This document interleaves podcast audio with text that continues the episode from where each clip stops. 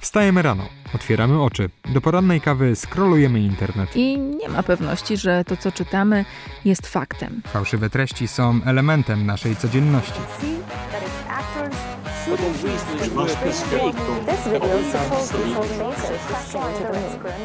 Jak rozpoznać dezinformację? Jakie są jej techniki? O tym będziemy rozmawiać w czwartym sezonie podcastu Demagoga. Zapraszamy. Mateusz Cholewa I Wiola Myszkowska. Cześć, witajcie w kolejnym odcinku podcastu Demagoga. Kilka tygodni temu razem z Wiolą Myszkowską podsumowywaliśmy w prasówce z dezinformacji temat fałszywych wiadomości w kontekście wojny w Ukrainie. W międzyczasie uciekło nam jeszcze jedno dosyć ważne podsumowanie. Od trzech lat bowiem na świecie obowiązuje stan pandemii związany z chorobą COVID-19 ta pandemia, choroba, oprócz y, oczywistych strat związanych ze śmiercią milionów ludzi na całym świecie, przyniosła też y, takie zjawisko tak zwanej infodemii, czyli zjawisko fałszywych treści, które rozszerzyło się w wielu miejscach w internecie i o tym zjawisku, a także o tych trzech latach, co one znaczyły dla popularyzatorów nauki. Rozmawiamy ze swoim dzisiejszym gościem, czyli Dawidem Myśliwcem z kanału YouTube'owego Uwaga Naukowy Bełkot, ale nie tylko. Cześć Dawidzie. Dzień dobry. Ostatnio wiedziałem, że rozwijasz swoją karierę dziennikarską, również sportową. Możecie słyszeć w różnych miejscach. Mam nadzieję, że bawisz się przy tym świetnie. No, nie będę ukrywał, że, że tak, że okazja do skomentowania konkursu skoków narciarskich to jest spełnienie marzeń, chociaż marzyły mi się bardziej biatlon i kolarstwo, które są takimi moimi sportami, które dokładniej śledzę, nawet dokładniej niż koszykówka, którą lata uprawiałem. Ale myślę, że wywiązaliśmy się, bo nie byłem sam, z powierzonego zadania prima aprilisowego, dodajmy, e, całkiem dobrze. Dobrze, że Prima Aprilis jest świętem cyklicznym, co roku powtarzanym. Kto wie, kolarstwo może jeszcze nadejdzie okazja, aczkolwiek tour wiem, że przypada w innym okresie. Jeśli chodzi o okresy, to okres ostatnich trzech lat był dosyć hmm, wymagający, to pewnie, pewnie będzie jakiegoś rodzaju eufemizm, jeśli chodzi o popularyzatorów nauki, do których zalicza się również Twój kanał i Twoja działalność. Jak Ty patrzysz na to z perspektywy tego okresu? Czy było to duże wyzwanie, jeśli chodzi o przekazywanie rzetelnych informacji i jakiego rodzaju przeszkody trafiły się w tym czasie, jeśli oczywiście mówimy o pandemii COVID-19. W sumie jak sobie przypominasz te początki, bo, bo to one były chyba takim najbardziej, yy, najbardziej wyboistym startem. Były wyboistym startem. Te początki kojarzę głównie z tym, że dosłownie tygodnie wcześniej miała miejsce premiera mojej pierwszej książki, i że strasznie dużo osób kupiło sobie na te kilka tygodni w domach, jak wszyscy planowali 2-3 tygodnie spędzić w domu, prawda, w, w izolacji, kupiło sobie tę książkę. To jest jedno skojarzenie. Drugie skojarzenie jest takie, że pierwszy film o koronawirusie, jeszcze zanim on uzyskał swoją nazwę, wtedy to był jeszcze e, ta robocza Novel Coronavirus, NCOV. E, to jest najlepiej oglądany film na moim kanale. Tam prawie, jeżeli nie ma dwóch milionów, to zaraz będzie miał dwa miliony odsłon. No i pamiętam też, że gdy ten film się pokazał, to bardzo dużo osób w komentarzach było zdania, że no dobrze, że takie treści są prezentowane, że informacje są zbierane, ale też e, już na samym wstępie do, do tego doświadczenia trzyletniego dało się zauważyć, że jest całe grono osób sceptycznie nastawionych do koncepcji lockdownu, że jest grupa sceptycznie nastawiona do w ogóle samego faktu istnienia tego koronawirusa. No i są jeszcze jednostki, które w ogóle w istnienie wirusów na przykład y, nie wierzyły, albo w to, że możemy udowodnić, że coś tak małego jak wirusy istnieje. Więc od samego początku dużo się działo. No i te początki, y, te pierwsze miesiące kojarzę też z takim filmem, który w zasadzie udało mi się zrobić w kilka godzin gdzie rano przeczytałem artykuł w momencie, który mnie tak mówiąc z angielska trochę striggerował, gdzie jeden z użytkowników pewnego portalu postanowił podzielić się swoimi wnioskami z obsługi kalkulatora statystycznego internetowego i wyszło mu, że żeby wiedzieć z 5% pewnością, ile jest osób chorych na koronawirusa w pierwszych miesiącach, gdzie, gdzie te liczby nie były w dziesiątkach tysięcy, tylko w setkach, osób, że wystarczy przebadać 130 osób losowo wybranych z populacji i wtedy można mieć mniej więcej wgląd w to, ile osób ma koronawirusa. Przy czym to, co mnie pchnęło do zrobienia tej treści, to było to, że on pomylił procent względny, czyli tam, że to nie jest 10 plus minus 5%, czy, czy tam 100 plus minus 5%, czyli 100 plus minus 5 osób, tylko y, to jest y, błąd bezwzględny, czyli punkty procentowe, czyli to mamy plus minus 5% populacji Polski. To był błąd tego pomiaru i jakoś tak mnie wtedy dosyć mocno to tknęło, bo każdy z nas gdzieś tę sytuację próbował sobie analizować, tłumaczyć, może racjonalizować, i myślę, że wiele osób mogło mieć podobne przemyślenia. No i nie, nie to, że pozwolenie, no bo ja nikomu nie zabronię pisać rzeczy do internetu, ale pozostawienie takiej informacji gdzieś wiszącej w sieci bez komentarza uznałem, że było, mogłoby być w pewien sposób szkodliwe. No bo jeżeli tych takich głosów, które są oparte o trochę skrzywioną interpretację albo błędną wręcz, czy nieumiejętne posłużenie się jakimś narzędziem będzie wystarczająco dużo, no to w tym momencie my tracimy jakiekolwiek korzyści z tego, że 9 na 10 osób będzie się stosowało do tego, co mówi nauka. No ale w niektórych przypadkach i, i koronawirus e, takim przypadkiem mógł być prawdopodobnie. Nie dowiemy się, bo zdecydowanie mniej osób niż 9 na 10 w naszym kraju się stosowało do zaleceń, mam wrażenie. No w takich sytuacjach takie zagrożenie czy wysiłek tej większości może zostać zmitrężony tym, e, tym zachowaniem e, małej garstki, która świadomie bądź nie może opierać się o fałszywe czy źle wykorzystane e, dane. Ja to z tym kojarzę głównie. No i oczywiście z tym, że kiedy takie filmy się pojawiały z większą intensywnością, u mnie to pojawiły się takie groźby, które podpadałyby już podkaralne do mnie kierowane, ale. Do tego chciałbym też wrócić, bo mam, e, bo mam tu gdzieś z tyłu głowy, żeby zahaczyć o pytania o to, czy jesteś związany z Big Farmą, tak jak oczywiście cały demagog. To był oczywiście żart, to y, zaznaczam tak, tak, tak. na potrzeby internetowych analityków, którzy Tylko chcą połowę dowieść... demagoga wi widuje na spotkaniach Big Pharma, tak, na tych zlotach, no, prawda. Na, na, naszych sabatach. Reszta nie ma czasu, jest zajęta tworzeniem A, czyli jednak wszyscy, no dobra. Zapomniałem, że wypublikujecie w miarę regularnie. Chciałem cię spytać ze swojej perspektywy po tych trzech latach, chociaż teraz oczywiście ten temat, tak jak powiedziałem na wstępie, trochę przygasł.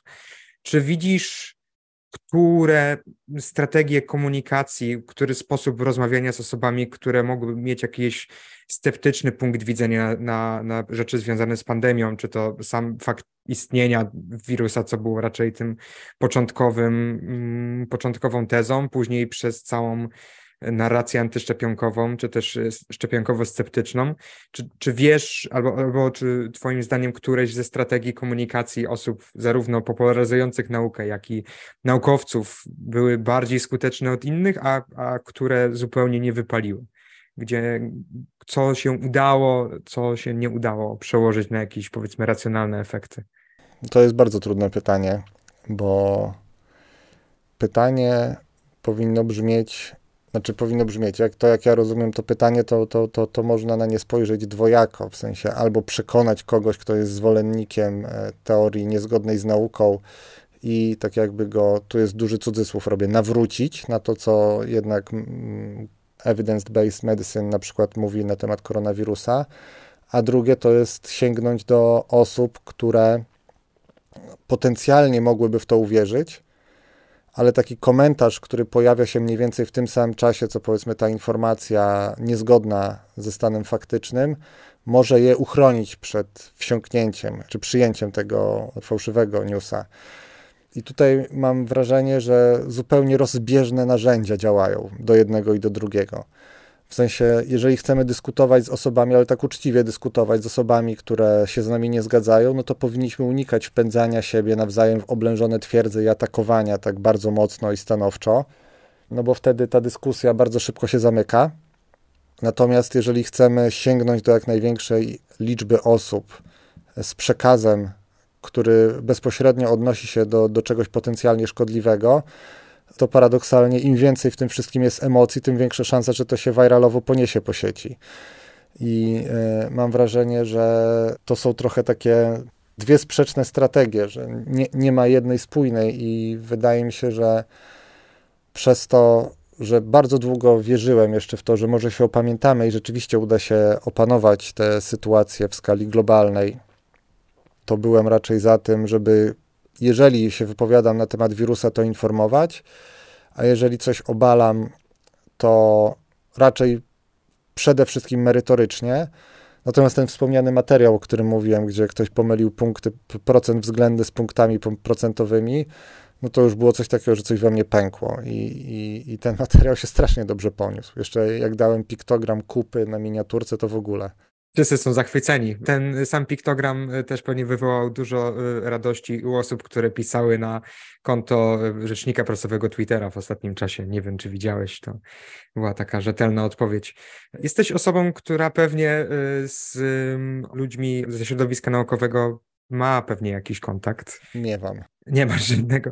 Mie, miewam, może, miewam, miewam. Miewasz. To może nawet lepiej, bo to będziesz w stanie spojrzeć na to z dystansu, bo jestem ciekaw twojej oceny, bo ja m, mm, zaprosiłem cię tutaj jako osoby prowadzącej m, mm, działalność popularyzującą naukę, ale może z twojej perspektywy, czy naukowcy, czy ludzie odpowiedzialni za tworzenie właśnie tej evidence-based medicine, o której mm, wspomniałeś, czy oni zdali egzamin, jeśli chodzi o przekazywanie rzetelnej wiedzy, komunikację w taki sposób, aby obalać te fałszywe informacje, czy jest tam jeszcze jakieś pole do poprawy e, albo coś, co zupełnie nie zdało egzaminu?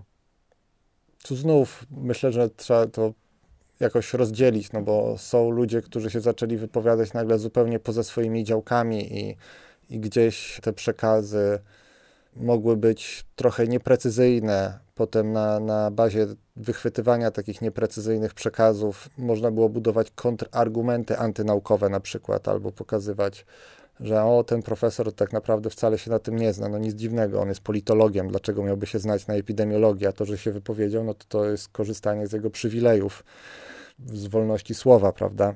Więc, więc myślę, że y, nie wszyscy, którzy, którzy się wypowiadali, wypowiadali się w e, duchu tej e, medycyny opartej na faktach, bo wielu z nich medykami, epidemiologami czy wirusologami nie było, więc nie, nie ma się co dziwić. Natomiast była, było też grono osób, które e, czy to na Twitterze, czy na innych mediach społecznościowych, czy na Facebooku, w zasadzie było z miejsca gotowe mierzyć się z każdą paranaukową tezą stawianą przez kogokolwiek i, i przez długie miesiące ich konta zamieniane były w zasadzie w takie trochę repozytorium fake newsów i jednocześnie repozytorium odpowiedzi na te fake newsy.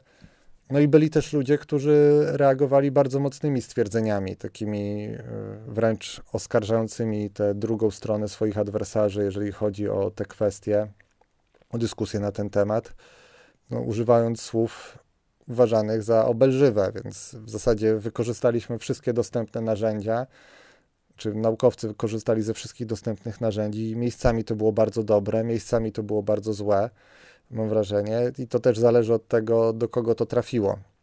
Bo no, nie da się też ukryć, że jesteśmy zamykani w tych bańkach informacyjnych i o ile jak usłyszymy, że któryś profesor, nie wiem, z Wrocławia mówi, że to naprawdę trzeba być głupkiem, żeby nie wierzyć w wirusy, to my, my mu przyklaśniemy, ale jak to trafi do innej bańki, to nagle się posypie, e, posypie hejt i w zasadzie hejt na, na jedno kopyto, bo ci ludzie poczują się atakowani, zamkną się w oblężonej twierdzy i sięgną po, po to, co, co im ktoś podpowie, że trzeba odpisać w takiej sytuacji. Wszystkie komentarze będą bardzo podobne do siebie, więc e, tutaj i jest i dużo plusów, jest i dużo rzeczy na pewno do poprawy, to bez dwóch zdań, co, co ja bym sobie życzył na przyszłą pandemię, którą, której doświadczymy, nie wiem, jak będziemy mieli po 60 lat, powiedzmy, to fakt, żeby z ramienia osób decyzyjnych, czyli z ramienia polityków, w sprawach naukowych wypowiadali się naukowcy, a nie tak, że wychodzi jeden, drugi, trzeci minister, doktor ekonomii, doktor politologii i e, magister, nie wiem, stosunków międzynarodowych i oni będą dyskutować nagle o, na medyczne tematy, bo mogą być świetnie do tego przystosowani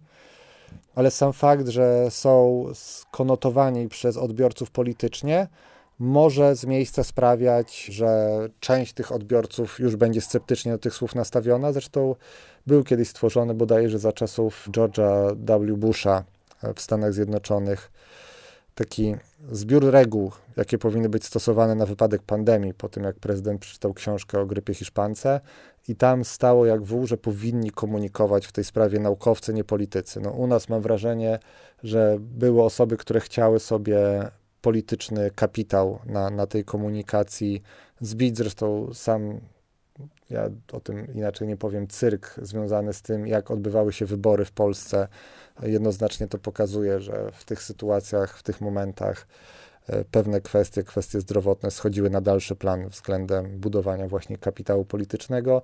I mogliśmy tego uniknąć właśnie desygnując 3-4 osoby, z którymi byśmy się opatrzyli jako odbiorcy którym byśmy zaufali, których wiarygodność moglibyśmy budować nie tylko przez to, jak się wypowiadają na ten temat, ale także pokazując na przykład ich dorobek w jakichś dziedzinach. No ale z tego nie zrobiliśmy i moim zdaniem, jeżeli coś jest do poprawy, to to w pierwszej kolejności. Że w takiej sytuacji, jeżeli ktoś ma mówić, to niech ktoś, kto wie, co mówi.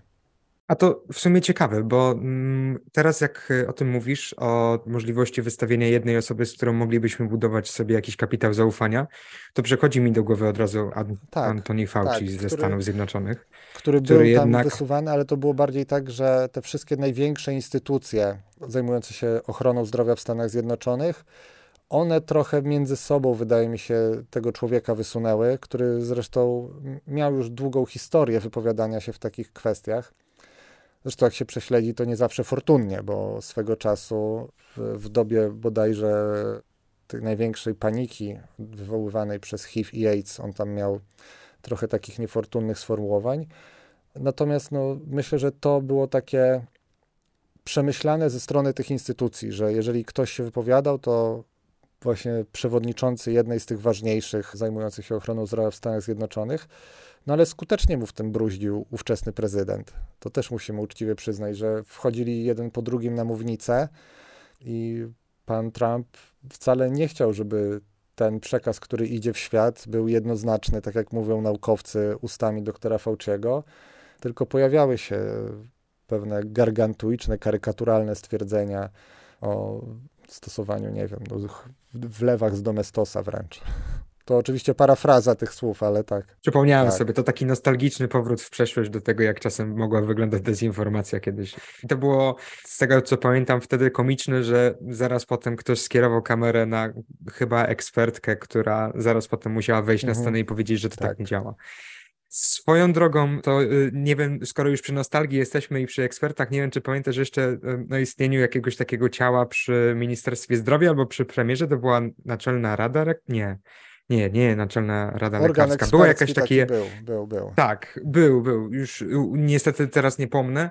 I, I wydaje mi się, że to był jakiś taki nasz pomysł na przekazywanie rzetelnej wiedzy, który niestety dosyć szybko umarł, bo wydarzyło się tam chyba jeszcze większa rozbieżność niż w Stanach. Tak, bo tam też chyba interes polityczny mocno infiltrował tę grupę, bo z tego co pamiętam, to te osoby, które chociażby są autorami badań w Polsce dotyczących skali problemu COVID-u, to bardzo szybko z tej grupy się wypisały. Twierdząc, że one nie chcą mieć nic wspólnego, jeżeli ona ma tak funkcjonować i, i, i szczerze, ja w tym momencie nie chcę konkretnych przykładów podawać, ale w momencie, kiedy ta grupa funkcjonowała i tak głośno się o niej zrobiło, to ja mniej więcej prześledziłem, jakie tam rekomendacje wychodziły.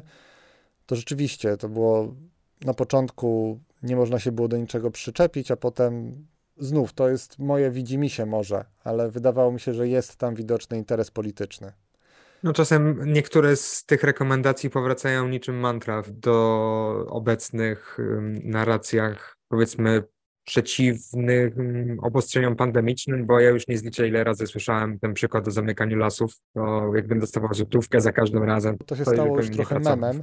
Trochę tak. Że trzeba coś zrobić, no to dobra, zamknijmy lasy, nie? E, ale mhm. to, na co ja jeszcze bym może tutaj zwrócił uwagę, to na fakt, że wiele osób ma chyba trochę problem w takiej kwestii właśnie komunikacji naukowej i tak dalej, czy przyjmowaniu tych przekazów naukowych z tym, że pewne zalecenia nie są dane raz na zawsze, tylko w miarę jak się nasza wiedza powiększa o jakimś zagadnieniu, to te zalecenia mogą ewoluować albo wręcz się diametralnie zmieniać. No, dzisiaj na przykład wiemy, potrzebowaliśmy na to dwóch lat w zasadzie od startu pandemii, że wirus jest nie tylko przenosi się drogą kropelkową, czyli wiem, w ślinie, w, generalnie w płynach, które e, na przykład przy kichnięciach generujemy, ale także drogą powietrzną może się przenosić. I Światowa Organizacja Zdrowia potrzebowała naprawdę dwóch lat, żeby to jednoznacznie potwierdzić. I tutaj zasadność korzystania z pewnych rodzajów maseczek e, też mogłaby być inaczej postrzegana, i, i, i to też, e, gdybyśmy dzisiaj zapytali, jakie były rekomendacje odnośnie tego, e, to byłyby one prawdopodobnie trochę inne niż na początku pandemii. Zresztą te słowa, że w pierwszych dniach kiedy o tym wirusie było głośno, no to nikt nie, nie mówił, nie, nie rozważał nawet tego, żeby zalecać nosić maseczki, a potem to zalecenie się pokazało. Ono też się nie wzięło z niczego, tylko właśnie z tego, że więcej dowiedzieliśmy się o tym, jak wygląda epidemiologia, współczynniki reprodukcji tego wirusa, w jakich sytuacjach dochodzi do największej liczby zakażeń. Więc mamy też trochę problem z takim przyjęciem, że nauka jest dynamiczna już powoli się nauczyliśmy, że język jest żywy i on się zmienia. Teraz jeszcze musimy się nauczyć, że nauka też jest żywa i się zmienia, i to, co dzisiaj jest prawidłem, może być śmiesznostką za 30 lat. I myślę, że tutaj problemem jest troszeczkę to, jak podchodzimy do nauki w e, naszym systemie edukacji. No, że tam jest albo dobrze, albo źle, i tak jak jest w podręczniku, to jest zwykle dobrze, przyjmuje się, kiedy, kiedy uczymy się tych podstawowych rzeczy. Że one są albo dobrze, albo źle, a zwykle to jest no to zależy, albo to skomplikowane. I, I potem przychodzi do takich ważnych rzeczy, gdzie to jest naprawdę skomplikowane, jeszcze mamy mnóstwo niewiadomych, a my chcemy od początku prostych odpowiedzi i potem się ich kurczowo trzymamy. Z komunikacją tego faktu, mam wrażenie, też był trochę problem po stronie naukowej, że mówiliśmy, a teraz musimy zrobić to, to i to, bez podkreślenia, że, że to nie jest, e, no dobra, dzisiaj rzuciliśmy kostką, no, zamykamy lasy, za tydzień zdejmujemy maseczki, a za dwa tygodnie musimy nałożyć hełmy. Nie, to wszystko było czymś e, uwarunkowane i troszeczkę myślę, te zmiany, które następowały, by, mogły być dla wielu osób niezrozumiałe, bo one kojarzyły naukę jako coś podręcznikowego. Dowiedzieliśmy się, wiemy i trzymamy się tego. Tymczasem jest zupełnie inaczej z takich y, odpowiedzi nie wiem, y, jest tak albo tak, albo to zależy, to pewnie trudniej się układa pytanie na sprawdzianach. To też może być powód, dla którego to wygląda w ten sposób. Wróciłbym do tego, o czym wspomniałeś o tych bańkach informacyjnych, bo pewien interesujący wątek rozpoczęty i trochę niezwiązany mimo wszystko z pandemią, ale poniekąd, to y, rozpoczęta pod koniec marca rozprawa, y, proces Jerzego Zięby, który został przesunięty na czerwiec ze względu na stanowisko obrony, konieczność rozpatrzenia aktu oskarżenia przez prokuraturę. I o Ziębie i jego działalności możecie mm, posłuchać w jednym z naszych podcastów, przeczytać y, w śledztwie, które napisaliśmy we współpracy z Front Story, ale jednak y, ta postać i także inne osoby, które produkowały różnego rodzaju informacje dotyczące pandemii, kierują mnie w stronę pytania, czy to jednak ten okres trzech lat dla popularyzatorów nie był taką ciężką pracą i zwalczaniem dezinformacji, a dla niektórych okazał się być żyłą złota i znaczy, możliwością zbicia sobie swojego kapitału. Na pewno to była okazja, bo nagle bardzo dużo osób zaczęło szukać wartościowego kontentu w sieci, więc nie powiem, to była okazja, żeby do tych osób sięgnąć, do których na pewno sięgnięcie, zbudowanie takiej bazy odbiorców byłoby zajęłoby więcej czasu bez pandemii. Natomiast e, czy to była ciężka praca? No ja nie, nie, chcę podawać konkretnych nazwisk, ale byłem w kontakcie na początku z kilkoma osobami, które ten temat mocno podjęły w Polsce. I w pewnym momencie, myślę, że to było gdzieś tak po 3-4 miesiącach, kiedy każdy z nas miał już na koncie jakieś takie filmy konfrontujące się z pewnymi przekłamaniami, półprawdami albo otwartymi kłamstwami dotyczącymi tego tematu. I pojawiały się kolejne, i, i, i na przykład rozmawialiśmy przez telefon, to wszyscy mieliśmy coś takiego, że no dłużej już nie damy rady.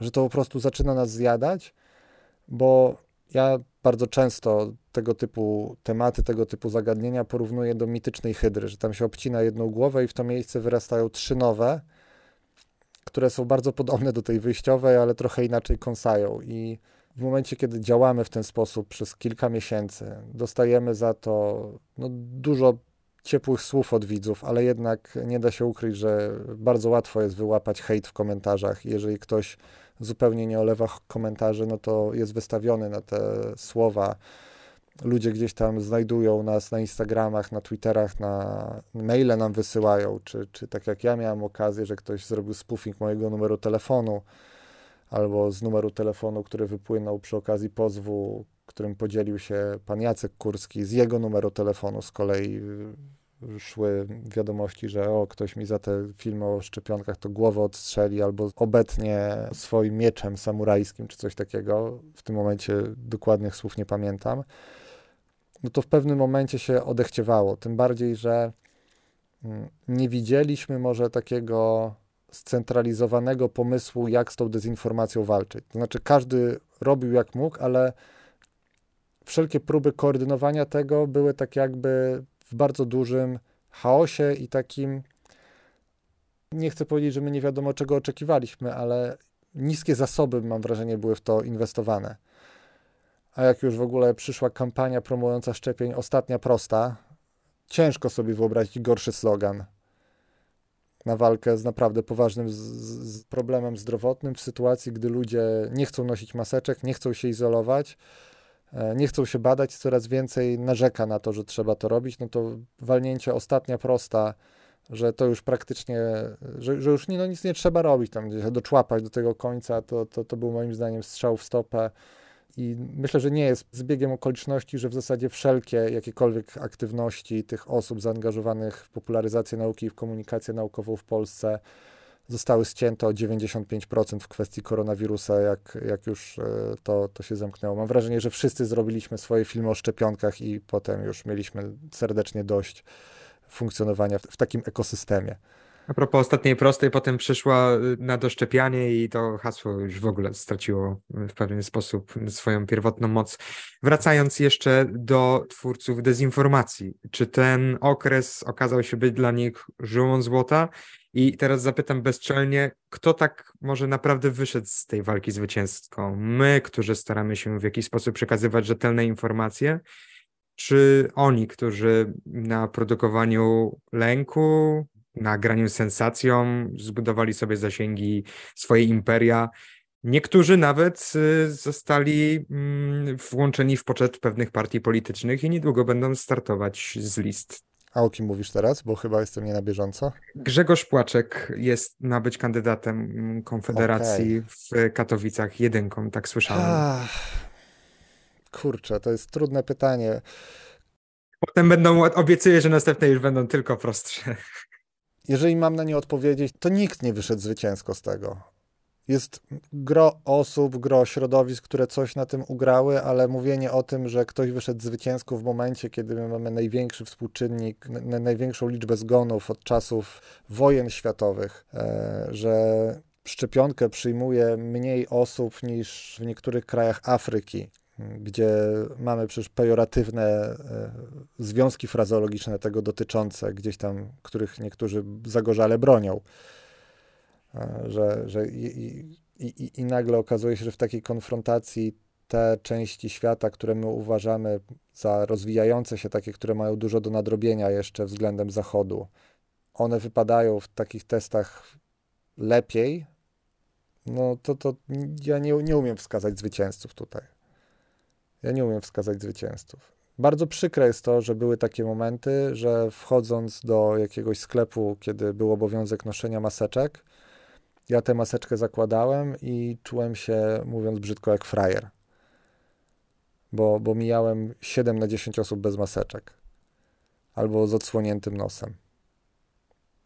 I, i sobie myślałem, czy, czy coś jest ze mną nie tak, że, że ja jeszcze się łudzę, że można coś zrobić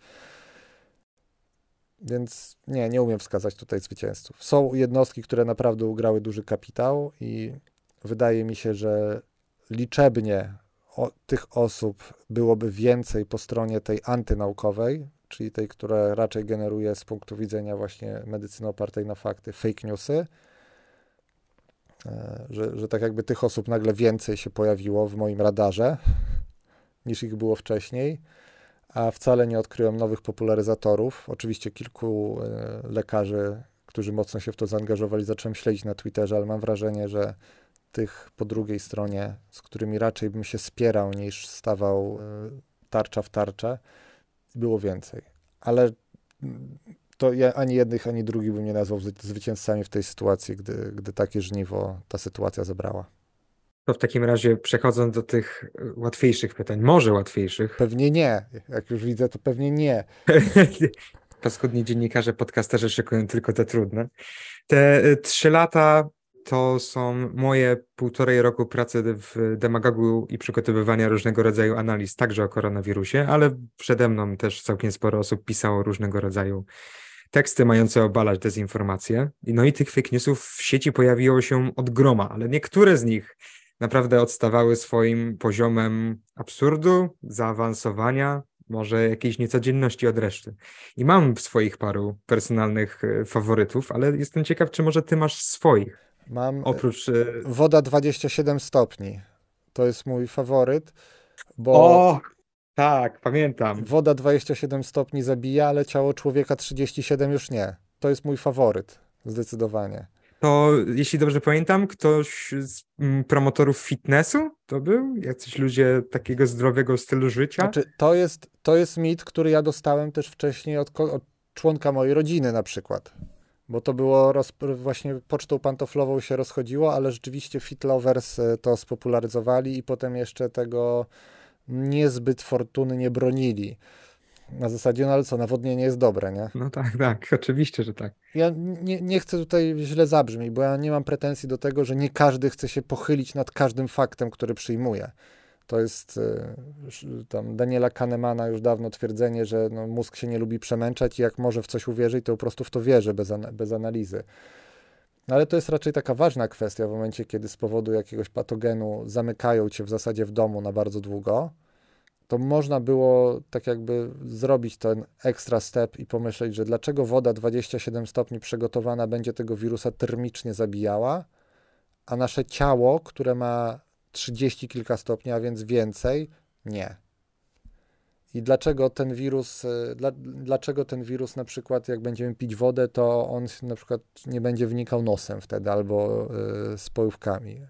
Nie wiem. To mój ulubiony. A twój? No cóż, to jest chyba jedna z moich pierwszych 10 bądź 20 analiz i nie wiem, czy słyszałeś o tym, że w szczepionkach miały zna znaleźć się jaja aluminiowych istot, o, które wykrył. Nie. To był, to jest mój faworyt przede wszystkim nie dlatego, jak oderwana od rzeczywistości jest ta, jest samo to założenie, ale przede wszystkim to, że napisałem do trzech ludzi z wyższym wykształceniem, dwóch profesorów z UJ-u, każąc im obejrzeć 40 minut tego filmu, żeby mi powiedzieli, że coś jest z nim nie tak. I czułem jakąś taką przedziwną, y, przedziwny guilty pleasure, że ktoś tam musiał tyle lat męczyć się, żeby zdobyć tę profesurę i na koniec końców ogląda nagranie jakiegoś człowieka stojącego na takiej małej auli, pokazującego piłeczkę ping-pongową z dołączonymi takimi materiałowymi nitkami mającego pokazywać, to znajduje się w szczepionkach, tylko to jest w powiększeniu. I świetną miałem zabawę. Ja jeszcze. Ten fake ma chyba już też ze dwa lata i jest. Ja jeszcze lubię tych e, namagnesowanie przez szczepionki. Ach, tak. Tak, to też jest dobre. Magnes też regularnie wraca u nas, bo jak się okazuje, właściwie graf, bo to magnes wraca przy okazji grafenu, bo oczywiście grafen w szczepionkach jest. I ten grafen teraz się okazuje się, że jest wszędzie, już nie tylko w szczepionkach, ale na przykład w popularnych lekach przeciwbólowych i przeciwgorączkowych jest wszędzie. Wszędzie chcą nas struć. Zmierzając powoli też do końca, żeby zamknąć to jakąś powoli ładną konkluzją, dużo mówiliśmy o tych trudnościach, które się pojawiały, ale może ten wieloletni siłek komunikowania przyniósł jednak jakieś dobre rzeczy. W sensie, czy może widzisz, że są jakieś um, zachowania, czy są może jakieś pozytywne skutki tej pandemii w kontekście zwalczania dezinformacji, czy może ktoś nabył jakichś nowych nawyków? Myślę, że tak. Myślę, że zdziwiłbym się, gdyby tak nie było. Na pewno sądząc po tym, co ludzie piszą w komentarzach do filmów, no próbują je pokazywać tym osobom, które są sceptyczne względem tych naukowych faktów. No problem jest taki, że jest coś takiego jak heurystyka dostępności, że jeżeli coś dobrze pamiętamy, łatwo nam wchodzi do głowy i możemy to sobie łatwo przypomnieć, to my to, w to wierzymy i traktujemy to jako prawdopodobne. Dużo łatwiej jest zrozumieć merytorycznie wywód, który jest antynaukowy, bo jest zbytnio już uproszczony miejscami, niż złożony wywód naukowy. Więc to jest duży wysiłek, żeby z taką osobą dyskutować.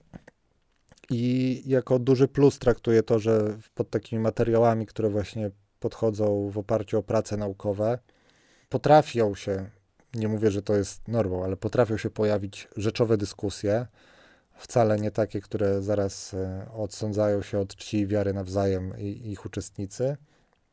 I że dużo osób takie filmy próbuje pokazywać poza tą bańką informacyjną, bo w momencie, kiedy ja robię film o tym, dlaczego, nie wiem, sypiemy sól na ulicy, albo czy rosół może być lekiem, no to to jest ciekawostka, którą się podaje znajomym, którzy lubią naukę na przykład, albo rosół. A, ale, ale kiedy mówimy o filmie dotyczącym koronawirusa, no to ludzie piszą, a moja mama nie chce się szczepić, pokazałem jej ten film. Mam podstawy, żeby wierzyć, że w jakimś tam odsetku tych przypadków to spowodowało, że ktoś mógł zmienić swoje zdanie.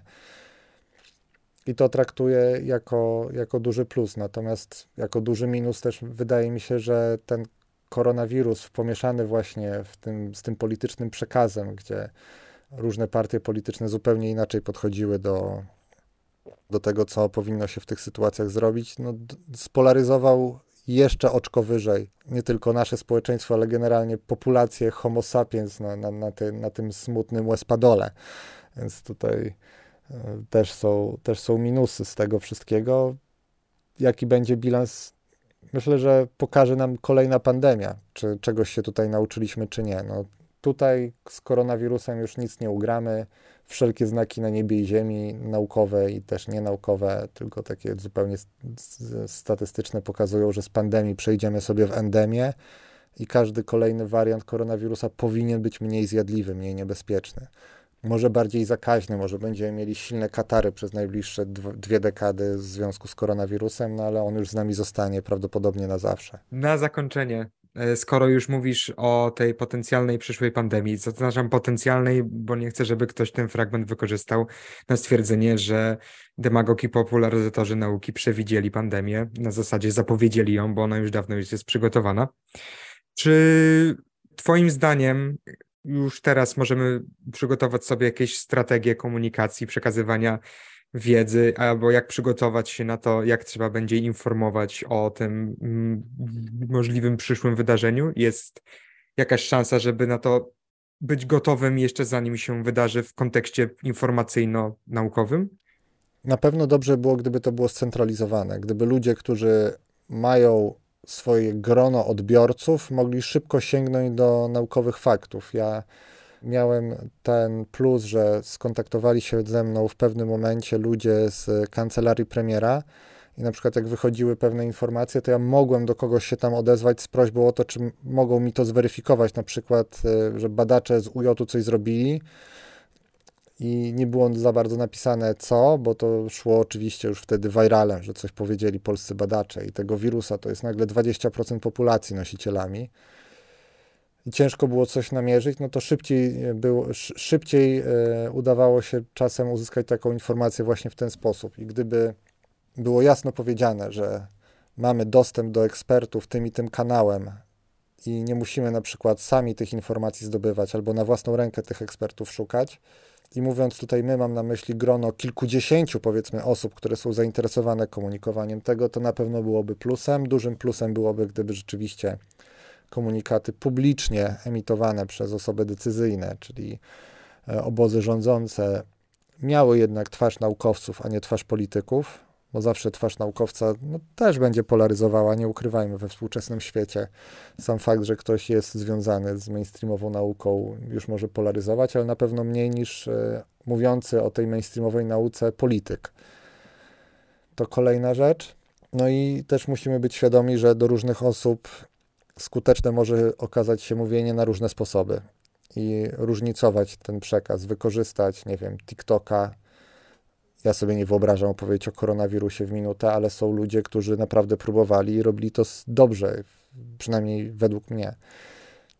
Więc e, mieć jakąś taki, jakiś taki pomysł czy strategię, która angażowałaby różne formy przekazu. I tak jak mówię, im bardziej on będzie odpolityczniony, tym większa szansa, że będzie bardziej uniwersalnie przyjęty. Dawid Myśliwiec, prowadzący kanał Uwaga Naukowy Bełkot, prowadzący, a właściwie współprowadzący podcast Przegadana Godzina. autor książek, dziennikarz sportowy, jak się okazało, miłośnik, pasjonat sportu. Tańczy, śpiewa, recytuje. Więcej tytułów niż Daenerys Targaryen, to prawda. Gdzie Ojej. wielkie, Dziękuję pięknie w każdym razie. to była wielka przyjemność gościć Cię w naszym podcaście. Mam nadzieję, że Wam również się podobało. Możecie zostawić swoją opinię w mediach społecznościowych, w których publikujemy nasz podcast. Y, Na Spotify jest teraz opcja społecznościowa, żeby zostawiać swoje opinie, a także y, w komentarzach na Facebooku i pod Instagramem będziemy czekać na Wasze zdanie na temat tego odcinka i pozostałych. Dzięki wielkie, Dawidzie, jeszcze raz. Dziękuję pięknie. I do zobaczenia, do usłyszenia wszystkim.